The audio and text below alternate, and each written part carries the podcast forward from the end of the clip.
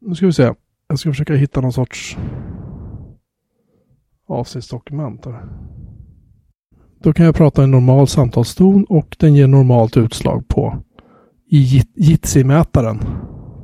Ja, det, ja, precis. Det är ju gott om, gott om utslag. Som en bättre allergi.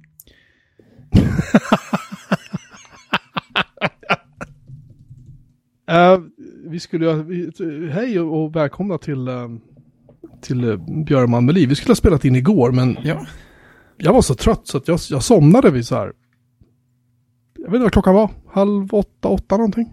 Jag kommer inte ihåg när jag smsade dig och sa hej kan vi köra imorgon? Typ. ja jag, var, jag var förvånad att du höll ut så länge. Jag tänkte, ja, för jag fick ju veta tidigare på dagen att det inte hade varit någon lång nattsömn innan.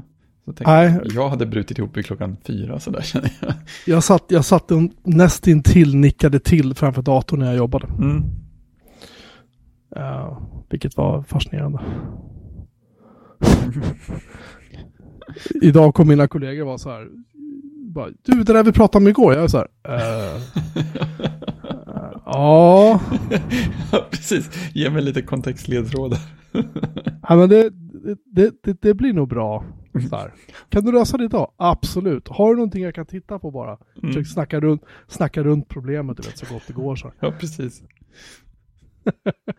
De bara absolut, här har du en, en wiki. Bara, Skitbra. Allt bara löste sig. Ja, nej usch. Jag så som en stock.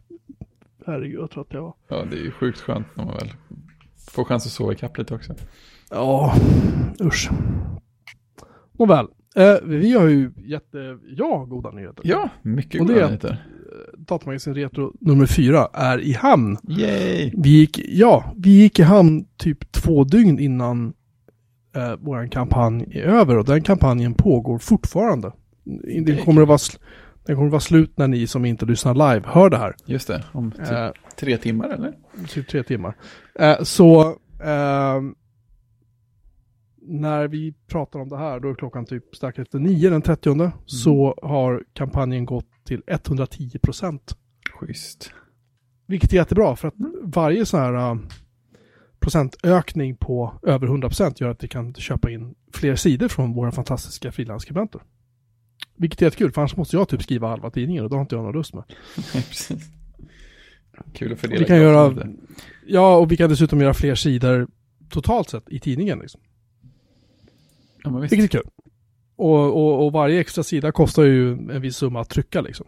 Och, och portot, portokostnaden ökar och liksom så att Mm. allt det här hänger ihop. Så att ju fler bokningar vi har kunnat få in över 100% Mm. har bara varit ren bonus. Och vi är jätteglada för det. Ja, det är superkul. Så hoppas att jag inom kort, hoppas att jag inom kort kommer att få ehm, eh, utse eller ta fram och vinnaren av det här fantastiska VIC-20-paketet. Ja. Eh, och den personen ska då också intervjuas. Ja. Och paketet ska, skick, ska skickas till den personen. Vi ska ta bilder och hej och liksom. Det kommer bli jättekul. ja, det blir superkul bara Det kommer bli hur, ja, det kommer bli hur kul som helst. Så det var det. Mm. Finns det något, något att tisa om innehållet eller ska vi hålla allting superhemligt tills den släpps? Eh, det kommer att bli väldigt mycket om årets demoscens säsong. Ah. Det har varit ett väldigt speciellt år för alla demopartaj, typ Mm. mm. gubbdata och liknande. För att det har inte kunnat arrangeras några sådär som det brukar vara Nej. på plats. Utan i år har det ju skett då eh, i cyberrymden som Mm. det vackert heter. Och eh, eh, min vän David då som skriver de här artiklarna, David Almer, han har låtit undslippa att det har varit ett fantastiskt år för demos för 64 och Amiga och alla de där. Så att Mhm. det kommer vi att skriva en, en, en del om. Det kan jag säga. Det är skoj. Sen har vi en massa andra så här kul uppslag på gång som vi håller på att diskutera med folk. Så att jag, jag tror att det här numret kommer att bli bra. Grymt. Faktiskt. Men vi har, vi har faktiskt vi har typ, vi har typ spikat jag vet inte, 10-15 procent av innehållet. Oh, det är För att mycket vi- kvar som kan, som kan dyka Ja, för, in. ja, för grejen, är att, grejen är att vi vet ju inte hur mycket pengar vi har att röra oss med. Nej. Vi har ju vetat att vi, om vi når 100 procent så har vi så här många sidor artiklar Mm. och så här många sidor kan vi köpa in och så här många måste vi göra själva. Mm. Så. och då har vi utgått från det. Men nu plötsligt så är vi ju en sits där vi faktiskt kan göra några fler sidor. Ja, men exakt. Och då, och då är det fler sidor som ska fyllas och då måste de sidorna då, då måste det liksom passa in med resten av innehållet. Och så att det blir lite, alltså vi sitter ju och har ett stort liksom webbaserat system där vi liksom flyttar runt artiklar och liksom så här försöker pussla ihop det här. Liksom. Mm, mm. Eh, Med lite tur så får vi in några fler annonssidor också. Så Just då det. ska ju de, eh, självklart är ju det skitkul, för då, då ska de inrymmas liksom i, i tidningsinnehållet. Så att Ja, det blir ju så här, det, det, det blir lite, det är ganska, det, det, här, det här är liksom, eh, om jag har, om jag kan säga att jag har, egentligen har jag typ tre faser när det är kul att göra datamagasin retro. Det första är liksom när projektet går i hamn. Än så länge har vi faktiskt inte misslyckats. Nej, Så här, ta i trä. Eh, och då liksom att få börja pussla ihop innehållet är skitkul. Mm. Det andra är, är tillfället när det är väldigt, väldigt kul att göra datamagasin retro är att få lämna mina egna artiklar. Nej, Ja, det är klart. När de är klara med klara då. med dem. Ja, Mm. precis. Eh, och det, det tredje liksom är att eh, få redigera andras artiklar, för jag gör ju mycket av det också. Mm. Alltså alla de artiklar, inte alla, men väldigt många av de artiklar som kommer in från frilansskribenterna sitter ju jag och går igenom. Vissa behöver mer putsa, andra behöver inte putsas alls för de är skitduktiga på att skriva det. liksom. Ehm, om man liksom ska fixa till stavfel och så här konstiga avstavningar, sånt som Mm. kallas för hor, horungar, brukar det kallas för på tidningsspråk. Ja, det kommer jag ihåg från vi- gymnasiet. Det har vi, jag tror att vi har diskuterat det i något tidigare avsnitt också, men hur som helst. stämmer. Så eh, det är kul och sen är det otroligt kul att eh, få se omslaget för första gången innan vi skickar till tryck. Ja, just det. Det ju... För, det, för det på något sätt binder ihop hela tidningen för mig. Mm. Eh, även om vi liksom, vi kanske kommer att ställa ut den här i tidningshyllorna, vi vet inte ännu. Mm. Ehm, vi tror inte att vi kommer att sälja några våldsamma mängder av den här tidningen i tidningshyllorna. Men, Nej. men, eh, men det, vore, det vore en kul grej, för det har vi liksom inte gjort tidigare med Nej. Datamagasin Retro. Det hade varit häftigt om det hände i någon liten form sådär. Det hade varit, om inte annat bara för att kunna gå in i en tidningsbutik och ta en bild. Liksom. Ja, men exakt. Exakt. Man har gjort den grejen också. Ja, men lite så. Mm. Eh, och sen så... ehm, eh, det fjärde är ju självklart att få tidningen i handen. Liksom. Mm. Så. På sätt och vis är det också det är kul, men det är också lite grann ett antiklimax. För att då blir det så här, om jag har redan läst den här. jag, har, jag, redan, jag har redan sett den här så här 150 gånger. Men samtidigt är det skitkul att kunna liksom hålla i den och säga, "Tsch, nu gjorde vi det. Och sen börjar liksom magknipen komma så här, vad ska folk tycka om det här då? Ja, ja, det kommer efter att du har fått den i handen så. Ja, Mm. för att jag vet ju att när jag får tidningen i brevlådan så får alla andra som har backat den Ja, ja i brevlådan samtidigt. Just det, det är sant. Så ehm, Hoppas jag inte har missat något konstigt här. ja, när vi gjorde nummer två så blev det ju, den storyn har jag nog berättat tror jag, men den, då blev det ju himla stressigt. För Mm. att det var ju någon, inte jag, som hade tagit fel på trycktiden. Ja, oh, så. Och där, där vi trodde att vi hade, och vi skrev om det här i, jag tror att Anders, som faktiskt var den som hade tagit fel på trycktiden, han skrev om det här i sin ledare till nummer tre av Datamagasin Retro, där han typ en söndagkväll var så här, han fick någon så här gnagande känsla i magen så här, han, så kollade han kalendern av en slump och tänkte, nej men, eller först tänkte jag att vi har ju typ några dagar på oss innan vi ska trycka liksom. Mm. Och sen började den här gnagande känslan bli allt starkare och sen så insåg han plötsligt att nej, vi ska trycka imorgon. uh, Och det, här, och det här var väl typ kvart över, jag tror jag, som jag minns det var det typ kvart över tio på kvällen, på Mm. söndagskvällen. Då han, då han liksom smsar mig och säger så här, eh, shit. Och då var alltså inte tidningen klar än och det var Nej. artiklar som ännu inte var redigerade. oh, fuck it monsieur. Som vi, det, ja, så att han satte igång och redigera. Andreas fick sitta och jobba natt för han layoutade hela tidningen. Eh, och var lite så här, vad ska vara på baksidan då? Ta fram någonting fort liksom. Mm. Vad ska, vad, då kom den här datamagasin, eller datamagasin BBS-grejen kom ju till då. Ja, Ehm, det var en sån här två minuters grej. Jag hade två minuter på mig att göra den Mm. innan det skulle skickas till tryckeriet. Liksom. Så att det var så här, pang, pang, pang. Och då hade vi ju en del korrfel. mm. ja det Alltså, klart. alltså fel som vi hade missat i korrektur. Det var någon rad, jag tror sista raden på den här artikeln om MS6-datorernas historia, den fattades för att Anders hade lagt in någon bildtext och då flödade texten över i, i. Indesign. Och det där såg inte vi. Nej, det är klart. Där, därför, kan man, därför kan man till denna dag ladda ner den artikeln gratis i pdf-format från eh, Datamagasins hemsida. Mm. Eh, där den sista raden är med, Mm. ska väl tilläggas. Extra material vi det. Ja, men sånt där ser man ju inte förrän tidningen kommer tillbaka på papper. Nej, så är det ju. Och det är några veckor bort liksom. Så att Mm. vi, vi gick runt och tänkte så här, shit vad duktiga vi har varit. Vi jobbade hela natten och så här. Och, så. Och, och jag hade ju med de här, alltså Anders och Andreas då som är mina eh, kollegor i det här projektet. och De jobbar ju med datmagasin och liksom, och Andreas jobbar ju med andra tidningar också som layoutare liksom. Så att de hade ju sina, de kunde ju typ sova den dagen. Men jag hade ju ett jobb att gå till. Mm. Så jag satt ju på jobbet hela förmiddagen, så så fort jag hade typ lunchrast eller någonting så var det så här, fram med min, med min bärbara dator och så bara så här, sitta och korra pdf liksom, försöka Mm. hitta fel och göra klart de sista ändringarna och du vet. Mm. Sy ihop allt. Ja, nummer tre var ju betydligt lugnare. kan jag säga, för det, där, där blev det bättre liksom så. Men, men tvåan, sen var tvåan ett extremt, extremt liksom komplicerad tidning, för det var mycket så här stora intressanta artiklar. Det var om textäventyrens historia, vi hade ju om eh, pixelartister, Ja. alltså vi hade massa grejer i den tidningen. Mm.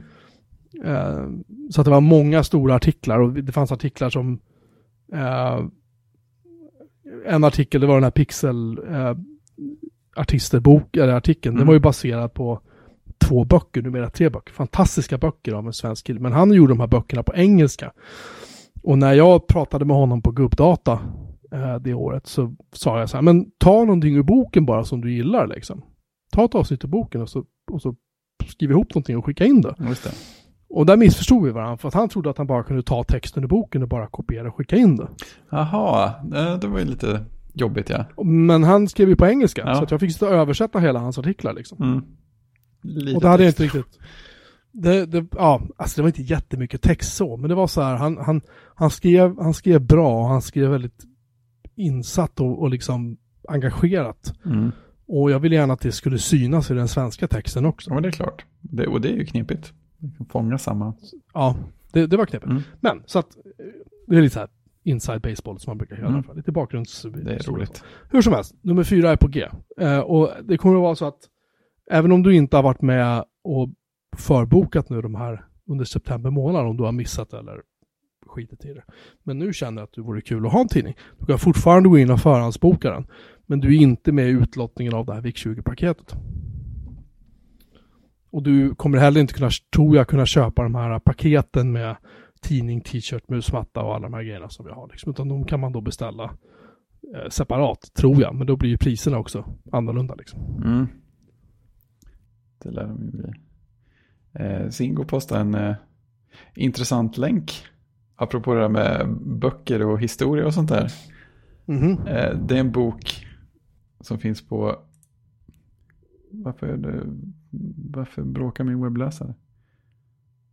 Eh, den finns på kensbook.com. Eh, det är en bok av eh, Ken Williams, Roberta Williams man om Sierra. Just det. Just det. Det är lite fräckt.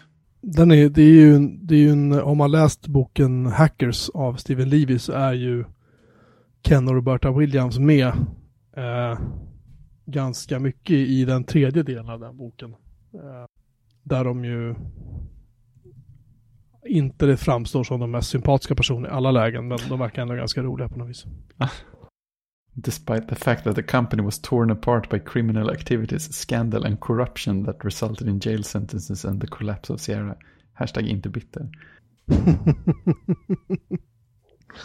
ja, nu ser jag den. Kens bok. Men det är ju fräckt. Det är not all fairy tales have happy endings. inte bitter. Men det är säkert en, en intressant bok. Ja, det vore intressant att ehm, läsa. Mm. faktiskt. För att det är ju, vad jag har förstått så är det ju så att så som det framställdes eh, i den boken Hackers så det var inte riktigt så det kanske gick till då, om vi säger så, fullt ut. Mm. Det är alltid flera sidor på en story. Mm. Så är det. Ja, i alla fall. Detta om detta. Mm. Du har Blood and Truth, vad är detta? Ja, jag är ju dålig på att lyckas spela saker. är, är, är det löjligt att eh, man eh, kommer på sig själv med att låta bli att använda en maskin för att den inte har trådad internetanslutning? Vilket inte har något med själva huvudanvändningen att göra egentligen. Ja. Ja, bra. Då jag ville bara ha det klargjort. Eh, jag har tagit, tagit mig samman och spelat lite mer på PS4 igen. Mm -hmm. Och eh, första, första spelet jag tog mig an var ett som jag faktiskt köpte när det kom. Det var ganska länge sedan. Det måste vara ett år i alla fall. Eh, som heter just Blood and Truth. Och grejen är att när man köper Playstation VR så följer det med, jag kommer, eller följer med eller så är det billigt att köpa till det. Ofta medpackat något som heter Playstation VR Worlds. Som är ett gäng så här små spel eller små demon av eh, vad, varför det är häftigt med VR. Eh, ett av dem var en, ett spel som heter London Heist tror jag. Som mm -hmm. kändes som eh, sekvenser ur en Guy Ritchie-film. Så här, man, man är en huvudkaraktär och man omges av gangsters som är olika sekvenser. Man liksom får följa med sig lite framåt och bakåt i tiden. Först, först första sekvensen så sitter man på en stol i ett garage med en jätteblodig, jättearg före detta kumpan som ska försöka hota med att liksom, tortera ur en vad som egentligen hände med juvelkuppen som gick fel. Och sen är det liksom flashbacks och sånt där. Eh, ganska mysigt. Och det här är ett helt, eh, ett helt fullängdsspel i samma stil. Så man är en kille som är med en kriminell familj som blir angripen av en annan kriminell familj och så försöker man lista ut vad som har hänt och så är det så här, eh, st mera story-sekvenser som man mest ser på, inte interagerar så mycket och sen är det ju rena actionsekvenser som är lite som en eh, rails-shooter eh, fast i VR och med liksom lite kontroll på förflyttningar och så. Det är ganska mysigt. Det, det, var, det var många recensenter som beskrev det som att det var en, liksom, närmast man kom var med i en actionfilm i VR. Och det är, det är en ganska bra beskrivning. Och det är ganska, mm, det, är, det är ganska kul, eh, kul känsla på det. Och det känns väldigt så här högbudget också. Det känns, det känns välproducerat som en bättre actionfilm också. Eh, folk ser också om att det är så här sjukt eh, livfulla karaktärer. Det kan jag hålla med om också. Det, det... Alltså ansiktsuttryck och sådana saker. Ja, alltså de är lite sådär dockaktiga fortfarande, men de känns det är ändå någon, någonting som gör att det är det är inte så mycket så här uncanny valley som det skulle vara. För det är ändå karaktärer som, liksom, de, de, de har inte en så här serietidningslook eller någonting, utan det är ju en look på spelet som försöker vara realistisk. Eh, och sen så, jag menar, det blir ju alltid lite sån viss datorkänsla över karaktären men det är ändå väldigt så här bra motion capture, det är mycket detaljarbete där det behövs. Man, liksom, man får ju känslan av att någon tittar på en när de tittar på en. Och det, liksom, det är ett bra manus och bra skådisar och sådär också. Eh, så det, det, är kul. Och sen, sen går det, det, man kan inte spela sådär jättelänge för att man, man vill ta pauser. För att det, det är så här intensivt. Förutom laddnings, lite laddningstider ibland så bryter de aldrig. Det, är aldrig några sådana här liksom, tryck kryss för att fortsätta till nästa uppdrag. Mm. Utan det är så här en, en sekvens där de sitter och pratar och sen så liksom går de iväg någon annanstans och sen så plockar man, så är man ner i deras förråd och liksom hämtar vapen och sen så går man ut i hissen och åker därifrån. Och då är det en liten laddningstid men sen fortsätter det direkt med liksom det här långa, långa uppdraget där man går in i ett, i ett, i ett hus där de håller ens mamma fången och sådana grejer. Det blir liksom aldrig några pauser om man inte aktivt pausar själv. Så det är ganska bra liksom tryck i det så. Men när det gäller ansiktsuttryck och sådana saker, kan det bli för verkligt liksom? Alltså det beror på vad man gör, vad man gör med det. Eh, jag tror inte det är någon risk att man hamnar där i första taget.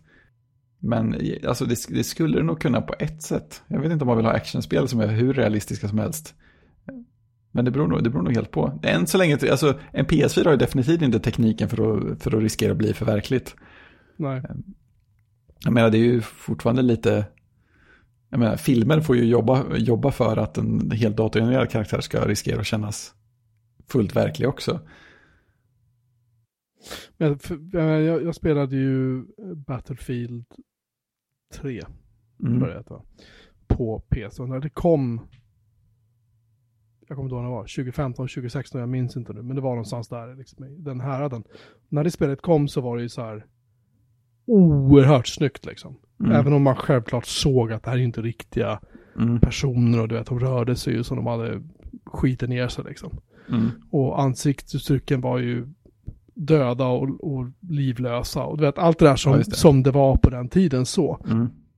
Men på något sätt kändes det som att det var lite bra. Just för att det blev inte, det blev Ja, inte tänker- för verkligt. Och sen, sen, så ja. Mm. ja, sen, sen köpte jag ju Battlefield 4 nu i, bara för några månader sedan. Mm. Tänkte, det, har, det har jag inte spelat. Och det var billigt så här, på Mm. Origin. Så jag köpte det och då var det så här, wow, nu börjar den verkligen närma sig. Fortfarande ser man ju att det är liksom, Mm. eh, alltså 3D-renderat så, det är ju inte det. Men skillnaden mellan de där två spelen var ju liksom milsvida. Ja, men det har hänt rätt mycket så. Och då var det nästan så jag kunde känna så här att nu kom det lite för nära. Plus att uppdragen i det spelet är, är jobbigt realistiska och jobbigt liksom, eh, hur ska jag uttrycka det? Brutala, eller? Ja, Grafiska, de, de, de man är brutal, brutala, jag, ska, jag vet inte om det verklighetstrogna är rätt ord, för det kan jag inte uttala mig om, för Nej. jag hade aldrig varit, varit sådana situationer, men de är brutalt verkligen, alltså de är brutala i det att man eh, ligger och tänker på det när man har slutat spela. Ja, Och man blir väldigt dränerad av att spela det. Så Battlefield 3, det kunde jag dra igenom på ett par timmar liksom. mm. Men Battlefield 4 är så här, jag vet jag körde fast i det för att, och jag kunde inte släppa det heller liksom. Mm. Eh, tills jag kände bara att nu kan jag inte spela den. Jag har suttit med den här skiten i sex timmar i sträck och var helt, Förstörd. helt, förstör, helt Ja. förstörd. Liksom, just för att det var så jäkla jobbigt liksom. Ja, men precis. Ja, men det blir ju någon sån här grej att folk får ju verkligen börja tänka efter eh, vad det är de vill eh, ge för känsla med sina spel. För att det går, jag menar det är ju som att göra en film som blir riktigt utstuderad i något avseende. Det blir ju, kan ju bli extremt jobbigt. Och det, Ja, det, det är alltså- mer av en svårare och svårare balans att göra tänker jag. Alltså om någon drar iväg, det är som om de skulle göra, jag menar Soldier of Fortune som kom, var det slutet på 90-talet till och med? Mm. Där man kunde skjuta av kroppsdelar och sånt där. Och jag menar, det är primitiv grafik nu, men det var ju ändå liksom en grej som skrevs som folk var så här, "Uff, det här känns ju lite, det känns ju rätt grisigt. Mm. Eh, jag menar, slänger man, skulle man slänga upp en sån grej med grafiken och animationerna man kan ha idag så hade det ju, det känns som att då skulle man få ha, få ha ganska bra eh, motivationer på något sätt för att försvara och göra en sån sak, för det blir ju ganska groteskt kan jag tänka. Jag kommer ihåg när spelet Barbarian kom till Amigan. Kommer du ihåg det? Där man kunde hugga huvudet av folk. när man kunde unga huvudet av folk. Eh, och det var liksom, det enda spelet gick ut på var bara svärdsfighter. Det var ungefär som International Karate Plus. Det tog liksom aldrig slut heller. Nej. Bara fortsatte, fortsatte, fortsatte. Men den lilla roliga effekten att om du eh, högg av huvudet på någon och hade tur att huvudet landade på ett visst sätt i förhållande till resten av kroppen så kom det in ett litet troll och tog tag i kroppen och släpade iväg fi- alltså kroppen. Mm. Och sen sparkade iväg huvudet som en fotboll. Ja, då blev folk upprörda va? Det där minns jag att det var ett väldigt liv om. Mm. Eh, det var ju så här politiker som ville förbjuda alla våldsspel och, hej, och när de såg. Barbarian så blev det ju ett, oj, oj, oj, vilket liv det blev liksom. Alltså det var ju lite humoristiskt. Jag, jag kommer ihåg att jag kunde se humorn i, men jag vet att min, Mm. jag, tror min, jag tror min mamma såg det där. Hon var så här, nej men vad? Blev Ja. helt jätteupprörd liksom. Och det var ju så att du kunde ju inte se någonting överhuvudtaget som var Nej, Alltså, några, några rosa alltså- pixlar. ja, på sin höjd liksom. Men jämfört med spelen som är idag liksom, som är ju så här Mm. hyp, alltså det är ju bara att kolla på Far Cry 5 liksom. Mm.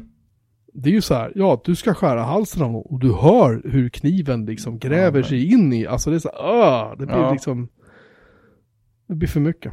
Ja, ja, men exakt. Kanske. Ja, men exakt. Och Jag menar, det är väl så här, sånt som folk skriver om, om eh, framförallt andra Last of Us. Mhm. Och där, jag menar, det är ju också tydligen väldigt så här tungt, mörkt, jobbigt. Men det... Och det spelet gör ju allt sånt väldigt medvetet. Det vill, det vill ju liksom ha en poäng och liksom ställa liksom etiska, moraliska frågor och sådana där grejer. Och jag menar, då, är ju, då, har man, då har man en aspekt på det där man gör det liksom med, ja men det här är ett syfte. Och det syftet ger någonting liksom till intrycken man tar med sig från spelet. Mm. Men man får ju se till att det är av sådana anledningar man gör det. Så, om man använder sådana saker till rätt syften på något sätt.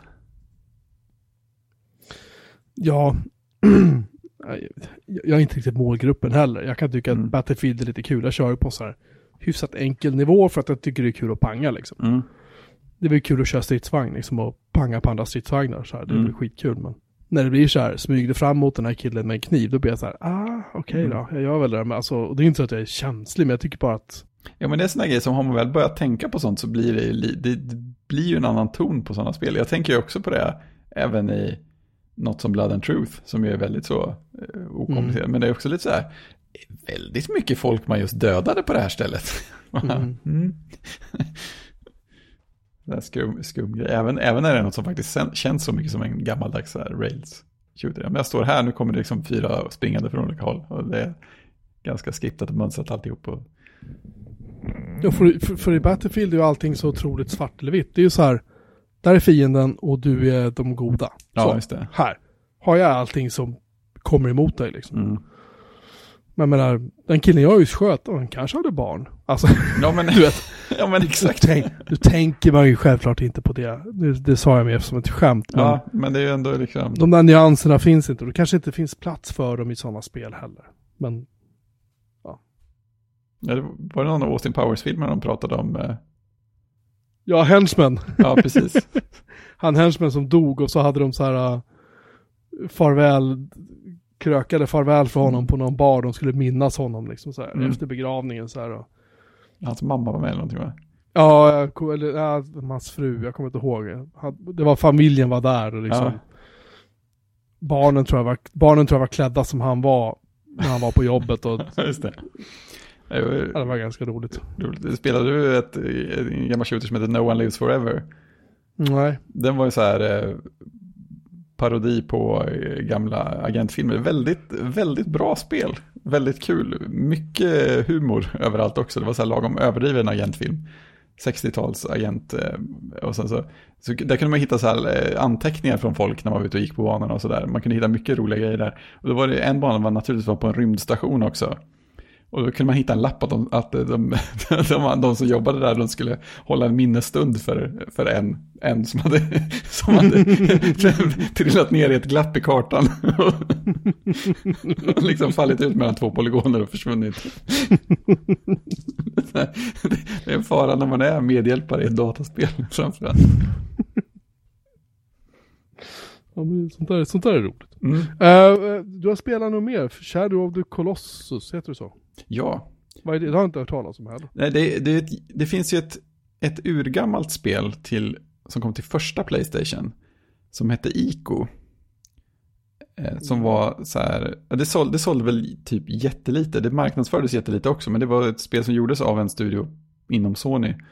Eh, och en producent som jag har glömt namnet på. Men eh, eh, det var så här väldigt, väldigt avskalat äventyr där man egentligen inte fick veta så mycket om vad, som- vad, vad som hände. Man fick inte veta så mycket om storyn. Alla de figurer som var med i spelet pratade ett påhittat språk. Och det var en del av poängen för att man inte skulle förstå vad de pratade om. Men man var en, en karaktär som av någon anledning hade horn och eh, det verkar ha blivit utslängd av samhället. Och som träffar på en, så är man inlåst i ett slott som man försöker fly ifrån. Och så ska man, hittar man en prinsessa som heter Jorda tror jag som man ska hjälpa ut. Och så här, det- ja, det var inte så jättemånga som spelade men det var så här kult, kultklassiker. Vissa serier som heter de bästa spelen och sånt. Eh, Shadow of the Colossus är en uppföljare som kom till Playstation 2 ett par år senare. Där man är en karaktär som vill återuppliva en annan karaktär som verkar ha dött. Och för att, och för att göra det så reser man till en förbjuden dal med sin häst. Och eh, där finns det stora kolosser som man måste ta koll på. Eh, och varje koloss, alltså så det är ett spel som egentligen består av ett gäng bossstrider med en massa vacker natur emellan. Men det är också sådär ett spel som många ser som ett av de bästa som släpptes för PS2. Eh, och jag har aldrig spelat det. Eh, mycket för att jag inte hade, aldrig hade någon Playstation före 4. Eh, men då har det kommit en remake för Playstation 4 som de har byggt om allt grafiskt från grunden och typ förbättrat kontrollen lite grann. Men i övrigt är det precis samma spel. Och det är så ofantligt eh, snyggt gjort. Mhm. Alltså, man, för, för här har de tagit, de var så här, ja men vi, vi, vi har all, alla polygoner som eh, en Playstation 4 orkar med att driva samtidigt och så kan vi lägga dem precis där de gör som, eh, som- mest eh, nytta. Sådär. Och man, man, känner att det är liksom byggt av folk som vet precis hur de ska få ut allt de kan ur den här maskinen. Liksom överallt där man tittar så är det jättedetaljerat och fint och så är det så otroligt stämningsfullt också. Hela spelet är en så här ganska ödslig, lite sorgsen stämning, någonting sånt där. Ja, mm. det, det, det, är fint. Jag har egentligen inte spelat så långt heller. Så jag, jag har kommit till den första kolossen men inte kommit någon vart med att besegra den. Så jag vet inte så mycket av vad som händer men eh, det, det är snyggt och ja, det stöder HDR också. Så det är kul bara det. Jag kommer jag läste om när det kom att de gjorde så här massa hyss för sig för att få en sån här eh, starkt ljuseffekt när man gick från ett mörkare område till ett ljusare. Det var lite, väldigt mycket krävande att göra det på en Playstation 2 än på en Playstation 4. ja, det kan jag väl tänka mig.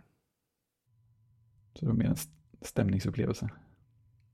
Jag, såg, jag blev bara distraherad för ett ögonblick, för jag mm. såg att jag såg att jag via eh, det är någon som donerar pengar till mig för uh, Fidonet.io och de grejerna jag kör där. Jaha, Så jag har, fått, jag har fått 148 kronor utbetalt. Uh, och sen har jag refundat 3 kronor och 93 öre till någon. Varför vet jag inte riktigt. någon som betalade 3 kronor och 93 öre och bjöd pengarna tillbaka. jag vet inte till vem heller.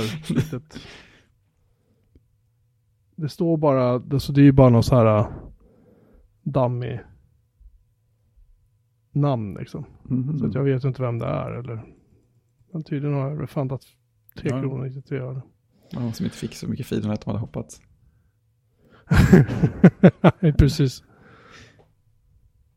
Nej, ja, det var samma person fast det står partially refunded. Jag refundade 3 kronor 93 öre och fick behålla 148,50. Okej. Okay. Ja. Förvirringen är total. Men det är kul att någon donerar lite pengar. Det är, jag får jag får ju mail ibland från uh, LibraPay som de heter. Mm. De säger så här, ja nu betalar vi ut det här i förväg så att nu kommer det så här, här är dina 12 kronor den här veckan. Och det så här, ja, det kommer några. Jag, jag tänkte, vart tar de där pengarna vägen? Mm. jag, har liksom, jag har liksom ingen aning. Nej, um, de, de landar inte hemma hos dig. Här, LibraPay income is 12 kronor och 12 öre this week. Mm. En, en person donerar. Ja, ja. trevligt. Någon som, någon som, tycker om vad jag gör. Mm. Det, det, ju, det, blir man glad för. Mm. Förlåt. Eh, dina spel. Eh, kan vi prata om något annat än spel? För att jag har ingen aning vad jag ska säga om Nej, det, det här. Förutom, förut, förutom att dina spel låter fantastiskt roliga, men jag kommer aldrig ha tid att titta på dem. Nej, det är det som är det svåra med spel.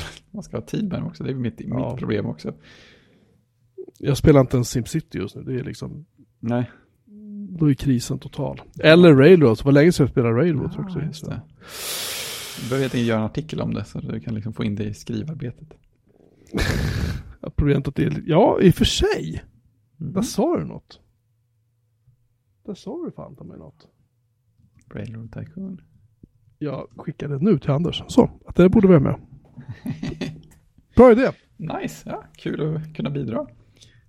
Vi pratar chips istället då? Uh, måste, uh. Färdigt.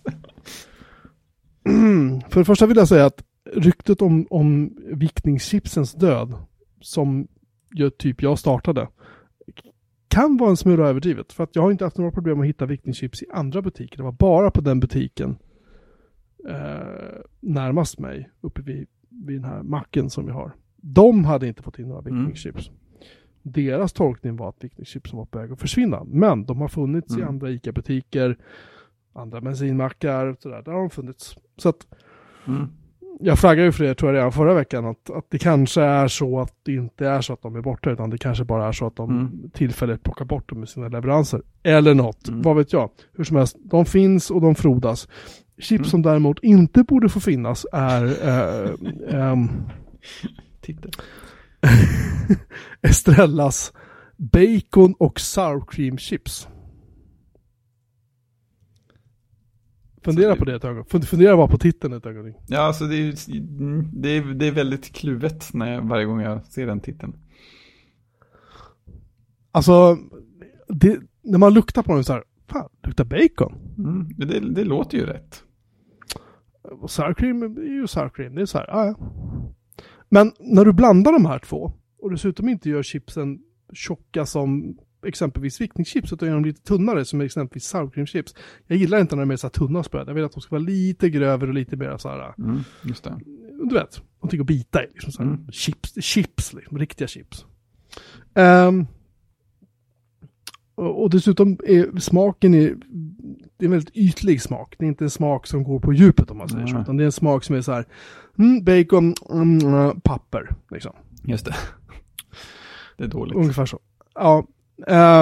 var så de får en och en halv av fem BM i, i, i betyg från Mm. chips, eh, chipspanelen. Den här mäktiga Ja. chipspanelen. Ja, Mm. Jag hade hellre ätit en hel påse av de här äh, atombombschipsen som vi köpte på Lidl. Krusty Croc Inferno. Krusty Croc Inferno, tack så hette de. Jag hade hellre ätit en påse sådana och tagit konsekvenserna typ fyra dagar efteråt. Ja, Än att äta de här chipsen igen. ja det, det var något som säger ännu mer än betyget, måste jag säga. Så um, vi kan föra dem till handlingarna, de kommer aldrig mer ätas igen. Eh, jag har hört lite grann om Widgetsmith, att det tydligen eh, att den, det är en applikation som ligger nummer ett på och App Stores topplista. Ja, har du... Berätta mer. Eh, det är ju allas, allas st- stora appmakare David Smith. Eller David underscore Smith. Underscore, precis. Som han kallas i ATP-sammanhang och massa andra. Han gjorde ju först en app som hette Watchsmith, tror jag, var det väl, i våras någon gång. Eller kanske lite tidigare. Som är till för att gö- göra eh, sådana här komplikationer som leder på, eh, på Apple Watch. Sådana här små tilläggsinformation eh, som man har. Eh, Man kan ha temperaturen i ett hörn eller sina aktivitetsringar eller Varför, het, varför heter det komplikationer? Det är för att det heter så på klockor. Ja men det är ju, det är ju inte ett positivt ord. Det är ju ett negativt in, ord. in, inte, för, inte för resten av världen, men för, för, för men Johnny poäng- Ive som är klocknörd så är det ett positivt Ja ord. men, ja men det är ju complications. Det låter ju som att det är så här. Ja, visst. Det här, det här kirurgiska ingreppet gick fel på grund av complications. Ja, men precis. Du har komplikationer som att du, du tappar var tredje sekund. Eller någonting sånt där. eller att eh, urtalen är svart när man inte lyfter upp klockan på rätt sätt. Hur som helst, eh, Apple har ju massa begränsningar på de där. Och det har funnits massa begränsningar. Men han byggde, han byggde ju då Wid, Watchsmith. Är det så? Ja, Widgetsmith. Watch- Watchsmith. Watchsmith. Ja.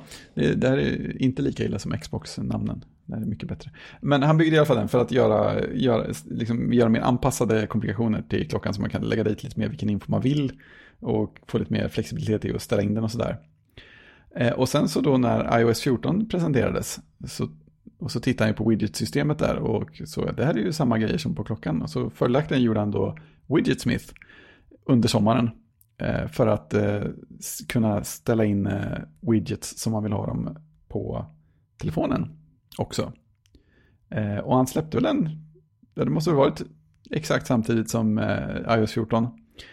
Eh, och sen så typ tre dagar senare så var det någon, någon på TikTok som eh, la ut eh, film på hur man eh, fick eh, sin hemskärm att se jättehäftig ut med Widgetsmith. Eh, och sen så har Widgetsmith varit etta på alla nedladdningslistorna i App Store eh, sen dess. Jag vet inte, hör, hörde, du på, ja, hörde du på ATP när de, jag tror att det var på ATP när de nämnde det va? Ja, det var där jag hörde då. Ja, det där med mail, mailinflödet som eh, Underscore fick. Eh, när när Mark, Marco hade pratat med honom så, så, mätte, så, så refererade han till in, inflödet i typ mail per minut. Och sen när hade Casey pratat med honom lite senare då hade han refererat i i mail per sekund. Så att, eh, Herregud. Ja. Så det, det kom senaste Under the Radar som kom alldeles nyss. Det, det hans, Underscores och Marcos eh, så här, eh, apputvecklarpodd som aldrig är längre än en halvtimme. Så pratar de bara om uh, Widget Smith-explosionen. Och min enda klagomål är att det avsnittet är alldeles för kort. Jag vill, jag vill höra mycket mer om hur, hur det känns att vara mitt i den där stormen när det händer. Så du kan förbereda dig för uh, när podcast chapters liksom. Ja, men exakt. Boom, så här. Bara kommer hända när som helst. Eh, ja, men det är sån där, sån där speciell grej som man, man känner att man hade velat ha ett dokumentärteam där och bara fånga upp allting så att man kan analysera det efteråt. Så alltid dokumentera. Ja, men det, det, är kul, det är häftigt. Det är kul att det händer eh, något som verkar så här orimligt eh, trevlig indieutvecklare som han också. Ja ja, jag förstår hur han känner det lite grann. Jag är ju också en trevlig, nej, jag är ju inte en indieutvecklare, men jag, jag minns när när jag breakade det här om Apple Pay i Sverige på ja, Mac Pro. Just, just och trafiken bara fullkomligt exploderade. Då hade jag faktiskt Google Analytics installerat och kunde se trafikmängden in. Och det var ju så här. Jag hade aldrig varit i närheten av så mycket trafik någonsin Nej. till Mac Pro. Liksom under så kort, kort tid. Där var jag kommer inte ihåg, för typ en vecka eller en halv vecka där höll på liksom. Mm. Och det var dygnet runt liksom. Så var det så in i helvete med trafik rätt och sagt. Mm. Att, och jag minns just också, det var så här det var så omtumlande. Va? Så man satt där och bara var så här, alltså, jag, jag vet inte vad jag ska göra nu. Ska jag, och så, ja, jag skriver en artikel till för den har lite mer info. Alltså, jag, jag spred ju ut över tid. Va? Mm. Jag var ju smart, jag ville ju inte bränna allting på en dag. Liksom. Ja, just det. Jag tänkte jag vill dra ut på det här så långt det går. Bara för att, jag tror det var för att jag ville njuta av det. Liksom. Att äntligen har jag hittat någon sorts, mm. åtminstone bara för den tiden. Liksom. Men, men uh, så jag förstår hur han känner ur det perspektivet, att det var helt jag trodde att det skulle visa, det kanske blir en grej som typ Feber länkar till och så är det någon dag eller två så är det mycket och sen så händer inget mer. Ja, just det. Och sen börjar folk från Norge och Danmark och Tyskland och USA och du vet, överallt börjar höra av sig liksom. Och det kom trafik från länder som jag var så fan de hittat hit liksom? Hur gick det här till? Uh, ja, och då jag tror att de skrev på typ så här Mac Rumors eller någon sån där sajt skrev de också om då länkade till mig och då var det så här, oj då, liksom, mm. nu. Mm. Och, men det där kan du ju aldrig upprepa en gång till. Nej, om du inte har så. Men jag tror att David, i, eh, i David Smiths fall så kommer han kunna upprepa det. För han, han är ju faktiskt uh, jävligt talangfull liksom och kan ju. Ja, han, är, han kan ju. Det är mycket sammanträffande att göra något som råkar ligga i tiden så också. Ja, alltså, ja, ja, tajmingen är ju grym. Ja. Så. Tajmingen och, och turen att någon, någon liksom ville göra den grejen just då. Ja. Det verkar finnas ja, någon slags... Är... Vad sa du? Det verkar finnas någon slags liten mini-industri just nu av folk som eh, sätter ihop eh, sätter ihop och visar hur man gör egna i princip teman till sina hemskärmar på iOS. Mm. Byta ut alla ikoner mig. och sånt. Det skulle inte förvåna mig och så kommer det där och bara det kommer bara poppis ett tag men jag hoppas att uh, Widget Smith överlever länge. Han, den kommer ju att komma kopior på den här applikationen. Men han verkar ju, han verkar ha gjort det väldigt smart i alla fall. Ja, det, det, var, det, var, det var ju också roligt. När han pratade om att han höll på att göra den här appen innan på Under the Radio. Då pratade de också om det där med att ja, det kommer ju alltid kopior. Och då sa han att eh, Eh, men jag känner att i och med att jag har gjort de här klockgrejerna så är jag ganska bra på det här. Och sen sa han, it's, it's hard to, out, to, to underscore underscore. det, var så, det var så nära skrik man någonsin kommer från honom. Eh, men det, det, det, känd, det är nog så också. Eh, att, menar, han kan ju röra sig ganska snabbt, men det hade ju kommit, det hade ju kommit sådana här fulkopior som gör liknande saker mycket sämre. Var det Gruber som hade postat bild på så här App Store någon lista där man, man sökte på Widgetsmith och så kom det upp två andra appar som typ hette samma sak och hade nästan exakt samma ikon och inte alls var hans. Så undrar man så här, vad, vad, vad tänkte Apple på när de släppte igenom dem? Inte alltså, något, så, kanske. Det är så tråkigt när sånt här händer. Jag förstår mm. inte. Ja, men är det någonting som, som skulle vara poängen med app-butiken och review och sånt så är det ju att sånt inte ska hända. Nej, eller hur? Jag tycker att det, det ja, jag tycker det är synd. Jag, jag diskuterade det där med, med telefonen på ingenting, med en kollega på jobbet idag. Och, eh, och eh, han var så här, ja men Android kontra iPhone och sådär. Och eh, jag bara nämnde att jag hade köpt min första Android-telefon. Alltså egentligen är det min andra, men det är min första som jag faktiskt använder på riktigt. Eh, och vi pratade, och jag sa ju så att en, en, en, lite grann har det här på något sätt sammansmält, att jag köpte den här telefonen också är sammansmält med att jag liksom inte längre bryr mig så mycket om eh, appar, jag bryr mig inte om sådana där prylar som jag var väldigt intresserad av förr. Liksom, mycket mer aktiv att hålla koll på nya appar. Och sen har jag också insett att jag faktiskt använder min Android-telefon mindre än vad jag använder en iPhone. Just på grund av att jag tycker att jag irriterar mig lite på när jag ska skriva på den. Ja, just det. Att jag har inte riktigt samma Mm. aktivitetsnivå eh, som tidigare. Nej, Kan man säga. Jag tycker det är ganska, det är ganska skönt. det är ganska skönt faktiskt om sanningen ska fram. Nej, Jag har ju gjort en grej på samma tema, att öka friktionen lite mot vissa appar. Eh, Så kom jag på idag att det var en bra anledning att använda det här så kallade appbiblioteket lite på, på iPhone. För att Vad, appbiblioteket... vad, vad är det för någonting? Ja, det är en grej som har kommit i iOS 14 också. När man eh, swipar till, till höger om sin högraste hemskärm så kommer appbiblioteket upp. Eh, och där, där, liksom, där gör den smarta, den visar en lista med liksom kollektioner av appar.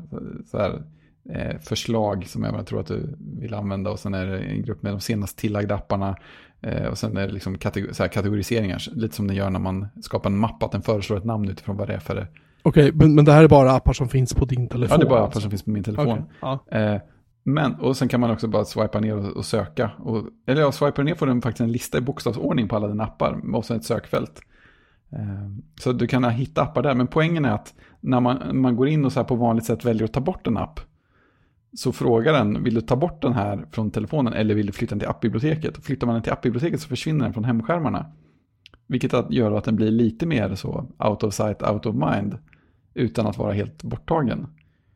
Så jag tänkte att det var en bra grej att göra med typ eh, Twitter och några sådana där appar som jag tycker det är kul att kolla någon gång ibland, men jag, jag märker också att jag kollar dem väldigt ofta om jag bara tar upp telefonen. Så det är inte alls fel att putta bort dem lite grann. Plus alla sådana här eh, kollektivtrafikreseappar och sånt som man använder enstaka gånger och liksom inte måste stressa fram när man väl använder dem. Det är jättebra att lägga dem där borta så ligger de inte tillsammans med allting annat.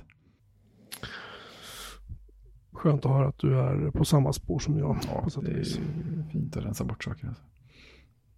Kör du fortfarande med din 5 SE? Nej, jag är faktiskt inne på, eh, på tian igen. Hur känns det då? Jo, det, det känns ju bra. Eh, jag- höll på att säga att det var- väl inte någon speciell grej, men det var väl, det var väl faktiskt eh, att jag ville ta lite fler, bättre bilder igen. Mm. Det är ju trevligt. Eh, och li- lite bättre batteritid har jag nog allt också. Jo, det, det kan jag förstå. Mm, lite bättre bluetooth också skulle, är min känsla. Jag är inte säker på att det är absolut sanning, men det känns, det känns som att räckvidden är lite bättre och kopplingspålitligheten är lite bättre och sådär. Så det, är, inte heller helt fel. Men det är ju löjligt stor jämförelse. Ja, jo det är det. Nu får jag realtidsinformation om, om eh, det rullar in, fortsätter rulla in beställningar på Mm, Retrotidningen. vad kul. Ja, det känns jävligt kul faktiskt. Vil, vilket nummer är det som har gått längst över, eh, liksom, vad säger man, bryt, bryt antalet beställningar? Eh, den första. Ja, det var det. Mm. Ja. Och sen den andra gick... Det var ett nödrop, eh, Eller vad- vad den, an, den, den, den, andra var precis på håret, Mm. kommer jag ihåg. Den tredje gick aningen bättre än den andra. Men, så den, här, men den här skulle jag nog säga, tror jag kommer att bli vår näst bästa kampanj. Mm. Kul. Jag sitter faktiskt och håller i de tre tidningarna nu, Mm. här. De luktar fortfarande nytryckt. Mm, det är fint. Ja, de är fina. De ligger inte riktigt inom räckhåll här, men jag vet precis var de är i bo- i bokhyllan. Jag har faktiskt gett bort alla.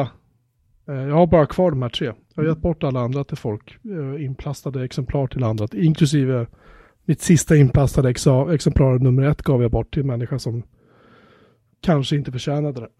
Men ehm, Nej, han, så, han, såg, han såg glad ut för stunden i alla fall. Ja, så är det. Säkert bra karma på något sätt. Ja, jag skiter i vilket. Mm. Ehm, så är det med det. Vad var det mer vi pratade om? Just det, chips och appbibliotek och Mm. just det, bra. Nu eh, på söndag är det faktiskt kanelbullens dag, den fjärde tionde. Ja, jag, Jag bara, jag var tvungen att tänka en sekund innan jag kom på att det där inte var ett betyg. Jaha, Det var nej, kanelbullsdag, det var en besvikelse. Fyra av tio. fyra av tio. Uh, Ja, men det är söndag, det är bra. Då har man en chans att komma ihåg att skaffa kanelbullar. Eller baka egna, Ja, Fredrik. precis. Ja. Jag vill inte göra några starka åtaganden här, men jag känner att... Nej, jag förstår, jag förstår. Att, att, att, det är ju kanelbullens dag på söndag. Nu Punkt, smsar du till någon. punkt, punkt, punkt, tänkande emoji. Mm. Svaret kommer. Ska jag sätta degen nu? Precis. Men, var är min emoji? Jag ska kliva upp söndag morgon och baka kanelbullar har jag tänkt. Nice. Mest för att jag tycker det är så gott med kanelbullar som är nybakta. Det är fantastiskt. Jag tror man kan äta kanelbullar till frukost, kan man inte det? Det känner jag definitivt att man kan.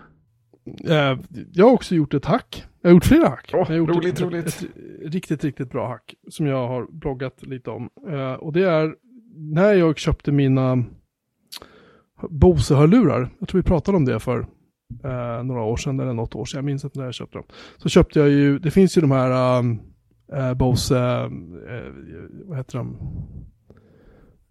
Noise cancel-lurarna som är trådlösa. Vad fan heter de nu igen? Ja, quiet. Quiet Comfort, Mm. tack. Och de kostar ju en del pengar. Då då. Mm, de, är, säga. de är inte så här billiga. Jag tror att nu, att de, nu är de nere på typ 2-4 någonting, eller 2-3 på, på NetOnNet. Det kommer en ny modell kanske. Men när jag skulle köpa så här lurar så kostade de 3000 spänn eller någonting sånt. Och då tänkte jag, men jag köper några som heter Quiet Comfort 35 Mm. istället. Och de eh, har ju då en tråd. Mm. Um, eller förlåt, Quiet Comfort 35 heter de dyra. Quiet Comfort 25 heter de som jag har. De är då trådbundna. Mm. I övrigt är det samma lurar, de har noise cancel och sådär. Ehm, Gött. ja, men problemet är att de är ju trådbundna och jag har ju köpt en tel- telefon då som inte har några Ja, hörlursuttag längre. Mm. Så därför så, så... Och då diskuterade jag det här med, med min gode vän Viktor som har sådana här riktiga Quiet Comfort. Eh, Mm. trådlösa lurar. Och då sa han, men vänta nu, jag såg den här grejen på Ebay. Som är en liten så här bluetooth-adapter för de här lurarna. Det är häftigt.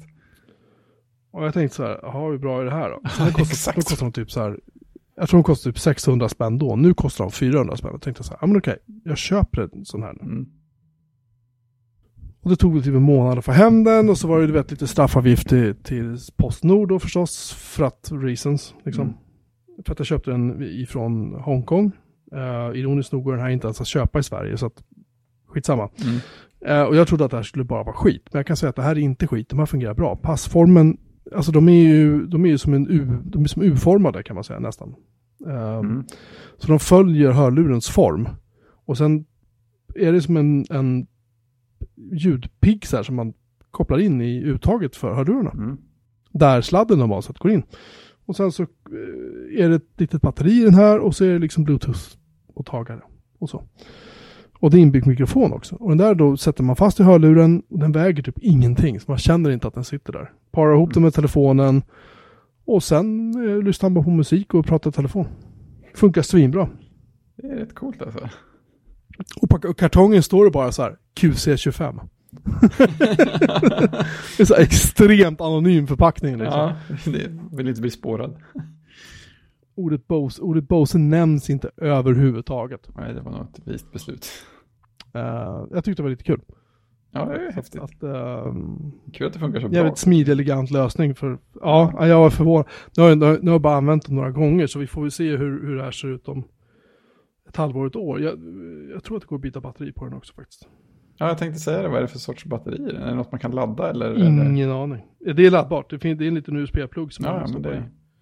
En, en sladd i, men jag misstänker starkt att det här batteriet går nog inte att byta.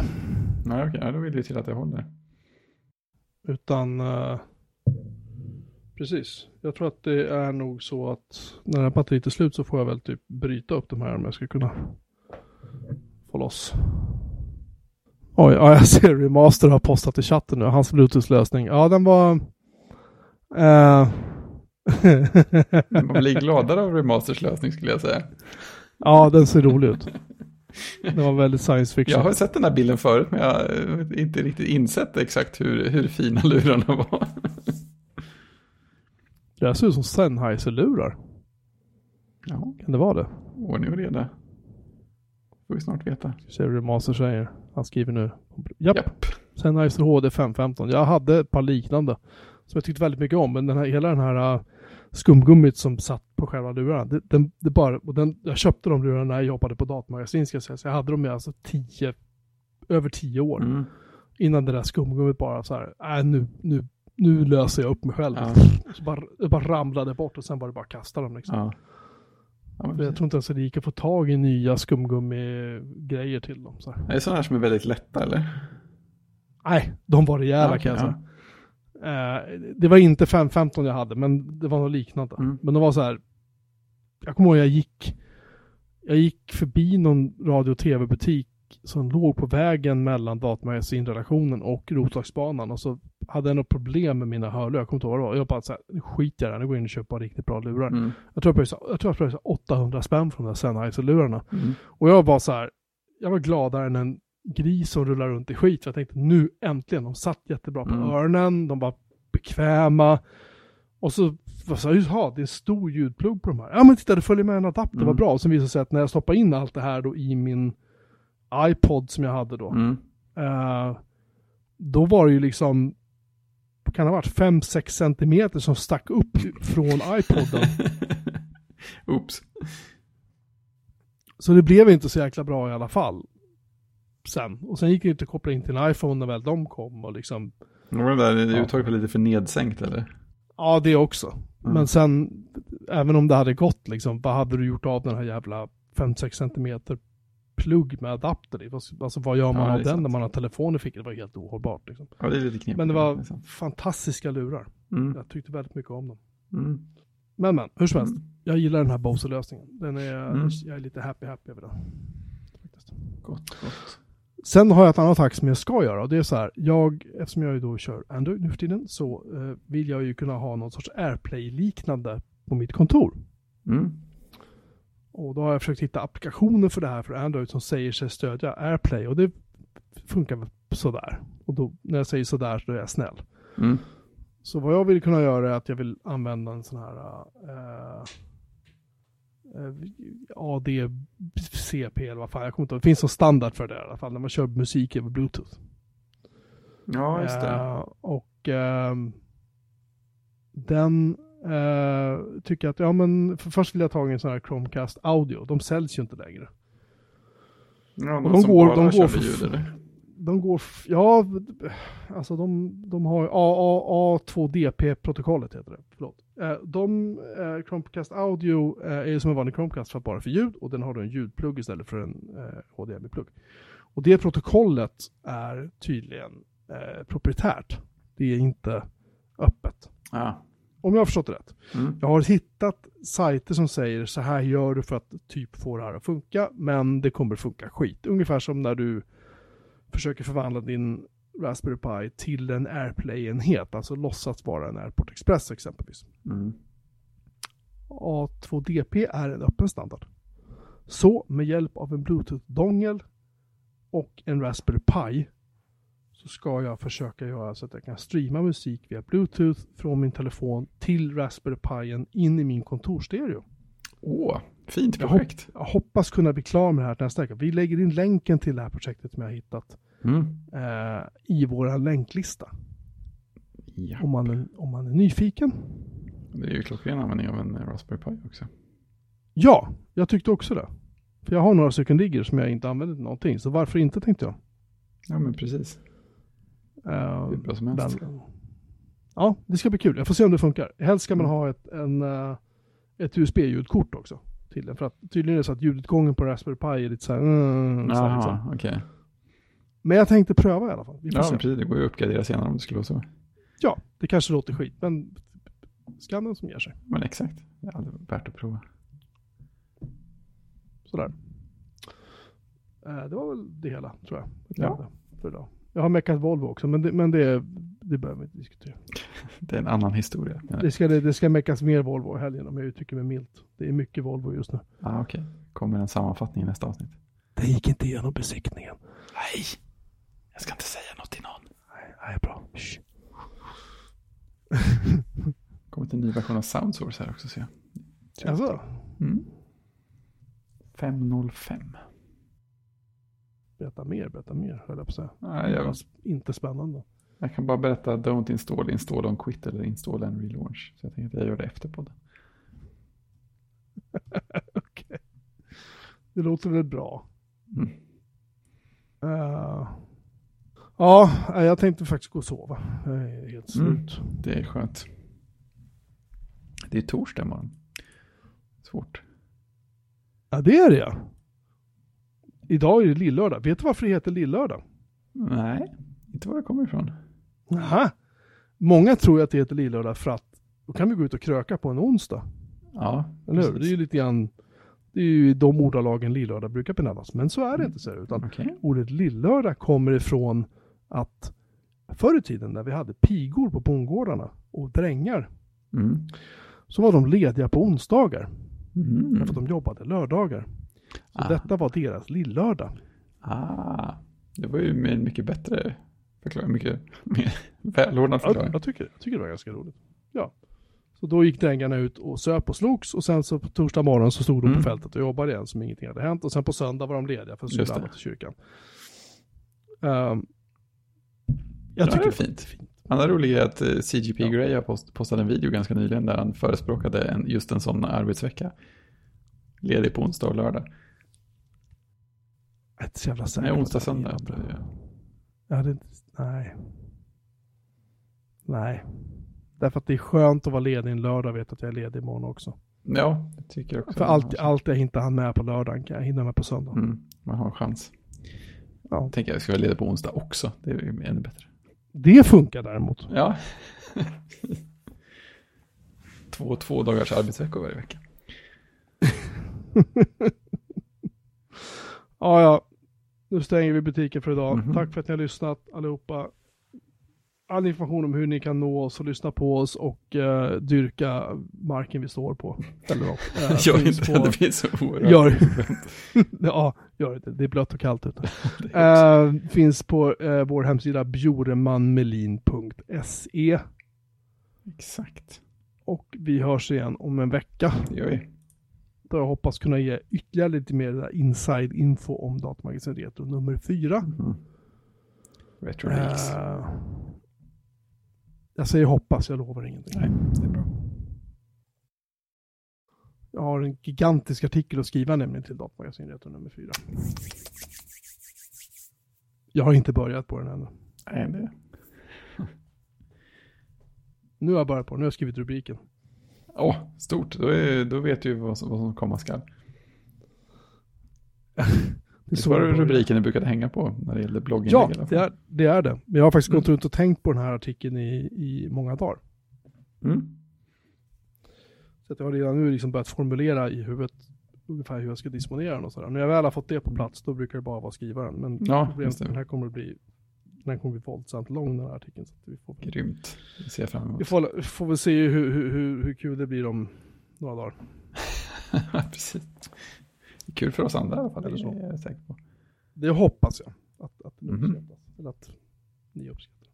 Nåväl, Mm. eh, ha det bra så hörs vi. Ja, det gör vi. Tjing tjing. Tjing!